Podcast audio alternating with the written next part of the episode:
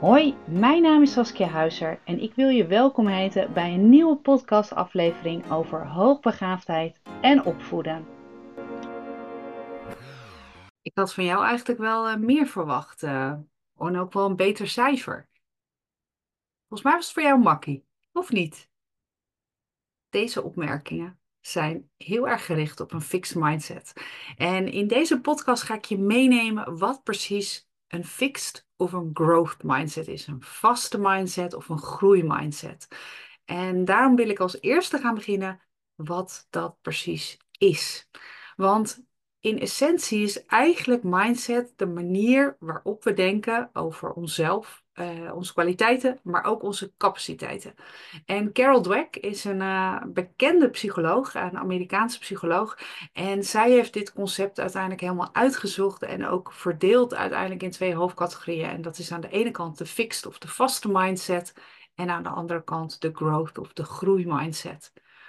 En in deze podcast ga ik uitleggen wat deze type mindsets precies zijn en ook hoe je daarop kunt reageren, maar ook hoe dit is ontstaan. Nou, de fixed mindset, en zoals de naam misschien eigenlijk al een beetje zegt, is een overtuiging dat onze eigenschappen vast liggen. Onze intelligentie, onze talenten, alles ligt eigenlijk vast. En mensen en ook kinderen met een fixed mindset geloven dan ook eigenlijk ja, dat ze bijna geboren zijn ook met een, uh, een bepaalde hoeveelheid ja, intelligentie en talent. En dat dat ook niet kan worden veranderd. Dus je, bent, je, hebt iets, je bent ergens goed in en dat is het ook. Maar het kan ook zijn, je bent ergens wat minder goed in en dat is het dan ook. Als gevolg hiervan zie ik bij kinderen vaak dat ze vermijden om uitdagingen aan te gaan zien ze inspanning ergens als iets, nou echt iets spannends. En ook soms iets als nutteloos, van waar moet ik dat doen? Ik weet het toch al, of ik kan het al, of ik kan het juist niet. En geven kinderen vaak ook snel op als ze geconfronteerd worden ook met zaken die niet zo fijn gaan. Dus die niet meezitten, die niet in één keer goed gaan. En dat zorgt er ook weer voor dat een kind vaak bang is ook om te falen. Omdat een kind denkt van, ja, nou ja, dan kan iedereen zien dat ik het niet zo goed doe. Of dat ik dom ben. Of kinderen die bijvoorbeeld geen hulp durven vragen, die zeggen dan ook, ja, als ik een vraag stel, dan laat ik eigenlijk zien dat ik dom ben. Ik weet het gewoon en dit is het. Aan de andere kant heb je juist mensen met een growth, met een groeimindset. En deze kinderen hebben dan ook de overtuiging dat hun kwaliteiten en intelligentie verder kunnen worden ontwikkeld door middel van bijvoorbeeld inspanning, uh, om heel erg door te gaan zetten, uh, juist fouten maken en dat ook niet erg vinden en ook te leren van ervaringen. En ook daarover nadenken van hé, hey, hoe heb ik dit gedaan? Hoe is dit precies ontstaan ook? Het zijn kinderen die eigenlijk uitdagingen, dat daar echt blij van worden en ook denken, ja, dat ga ik doen. Dus ook de kinderen die uh, bijvoorbeeld een uh, verrijkingswerk krijgen ook, die hebben ook zoiets van, ja, ik ga het doen. Terwijl de kinderen met een fixed mindset denken, mm, nou, nee, het is een beetje te moeilijk. Uh, maar juist de kinderen met een groeimindset, die zien inspanning eigenlijk als, ja, dat ze verder kunnen komen, met een reden ook eigenlijk. En dit zijn ook vaak de kinderen die heel erg goed kunnen volhouden, die doorgaan totdat ze een bepaald doel hebben bereikt. Zelfs als het niet zo lekker gaat, of als het verkeerd gaat, of als het niet lukt, of als het mislukt, toch doorzetten. En dit zijn ook kinderen die begrijpen dat falen ook eigenlijk ergens erbij hoort. Misschien niet bewust, maar onbewust wel. En ook zien dat het onderdeel is ook van het proces om juist ergens te komen en om te leren. En zien het dan ook als een kans om te groeien en ook om te verbeteren. Nou, in het heel, ik heb dit in heel kort zeg maar gezegd van wat is een fixed en wat is een growth mindset. Maar ik wil ook in het kort even uitleggen hoe mensen, kinderen en wij misschien ook wel als ouder, want ik denk dat je jezelf misschien ook wel iets in herkent, uh, hoe je eigenlijk reageert op een tegenslag of bijvoorbeeld op een uitdaging. En ik wil daarbij zeggen dat een fixed mindset is niet per definitie slecht, maar als je een groeimindset hebt, maakt het wel het leven wel een heel stuk makkelijker. Nou, stel je voor dat jouw zoon of dochter een moeilijke taak krijgt op school of misschien wel van jou. En ehm, nou, bijvoorbeeld een hele moeilijke puzzel kan een kind zowel op school krijgen als uiteindelijk ook thuis. En dan zie je dat een kind eigenlijk met een fixed mindset denkt, zeker bijvoorbeeld bij wiskunde, van nou, ik kan het niet. Ik, uh, nee hoor, dit lukt me niet. Ik ben niet slim genoeg of ik ben stom. Of... En ja, dit zijn juist de kinderen die ook meteen waar de deuren van dicht gaan. Zo van nee, ik kan het niet. Ik kan die puzzel niet maken. Ik ga het niet doen. Aan de andere kant, als je dan weer kijkt naar de kinderen met een groeimindset, met een growth mindset, die zouden juist weer kijken naar zo'n uitdaging van, nou, ik ga het gewoon proberen. Ik zie wel waar ik uitkom. Als het niet lukt, vraag ik hulp of ga ik vragen of iemand mij misschien ehm, eh, kan helpen. Of juist om eh, een stukje zelf te doen. Of ik ga iets opzoeken ook. En dit zijn kinderen die volhouden, die doorzetten. En zelfs als ze dus foutjes maken ook, dan uh, gaan ze uiteindelijk door totdat ze bijvoorbeeld die wiskundige opgave of die moeilijke puzzel uiteindelijk hebben gemaakt.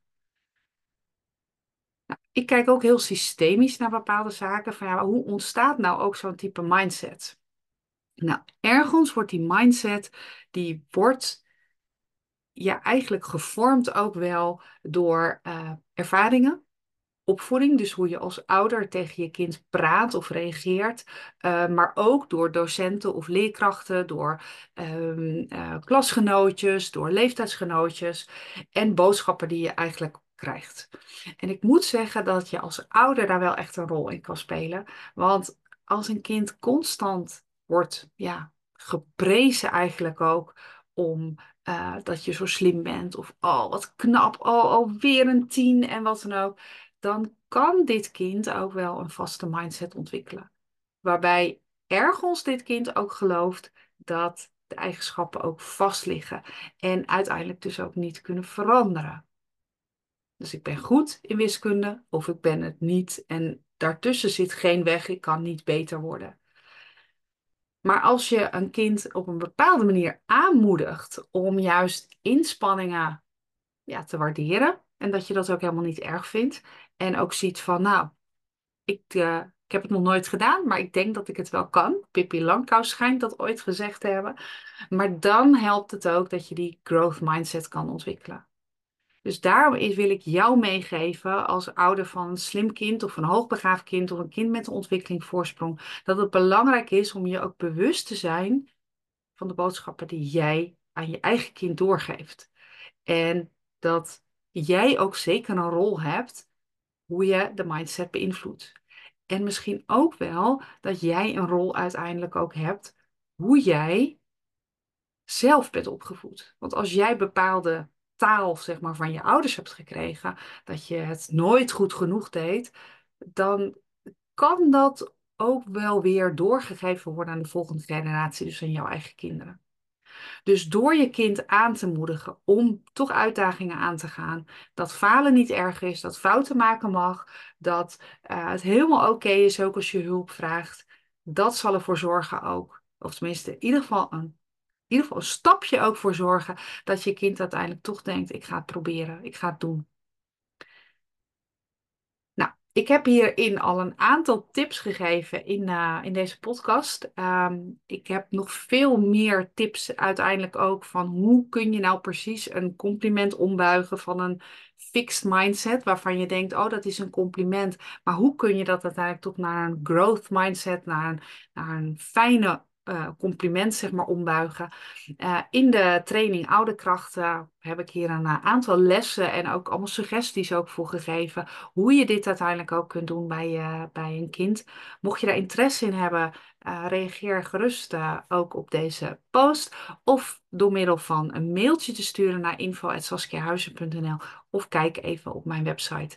Want juist deze vaardigheden de zaken die jij kunt doorgeven, daar heb jij invloed over. Niet hoe een leerkracht of een docent met je kind omgaat, maar alles wat jij als input kan geven, dat zorgt er uiteindelijk voor dat jouw kind veerkrachtiger wordt, dat jouw kind nou ja, zoveel meer misschien durft en aan kan en, en op, met een open blik ook de wereld in kijkt. En dat zorgt er weer voor dat jouw kind ook uitdagingen durft aan te gaan en daardoor ook passendere opdrachten, werk uiteindelijk ook. Nou ja, ik wil niet zeggen wil omarmen, maar in ieder geval wel denkt ik ga het proberen.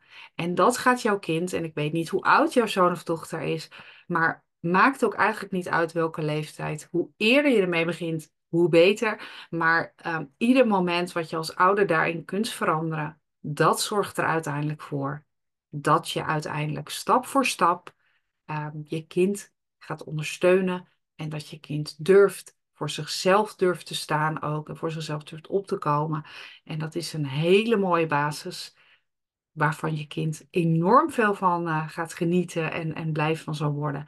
En uiteindelijk ook weer misschien wel de kinderen van jouw kinderen ook. En dan kun je dat ook generaties zeg maar doorgeven. Mocht je hier dus meer willen weten, ik gaf het net al aan, kijk even op mijn website. Maar ook als je meer zou willen weten, omdat je merkt dat eigenlijk jij als persoon ook vroeger nou ja, het misschien wel nooit goed deed en daar last van hebt. Dan kunnen we eventueel kijken door middel van een familieopstelling of we daar meer duidelijkheid in kunnen hebben en uiteindelijk ook of we bepaalde zaken ook kunnen helen in dat systeem. En dat zorgt er ook weer voor op het moment dat je het heelt, dat het ook bij je kind uiteindelijk ook weer op een andere manier gaat binnenkomen. Want op die manier kun je het ook verbreken als het ware. Wat jij allemaal mee hebt gekregen vanuit jouw jeugd. Of misschien nog wel vanuit je werkgever, want dat kan ook. En dat kun je uiteindelijk weer loslaten. Dank je wel voor het luisteren. En graag tot een volgende podcast.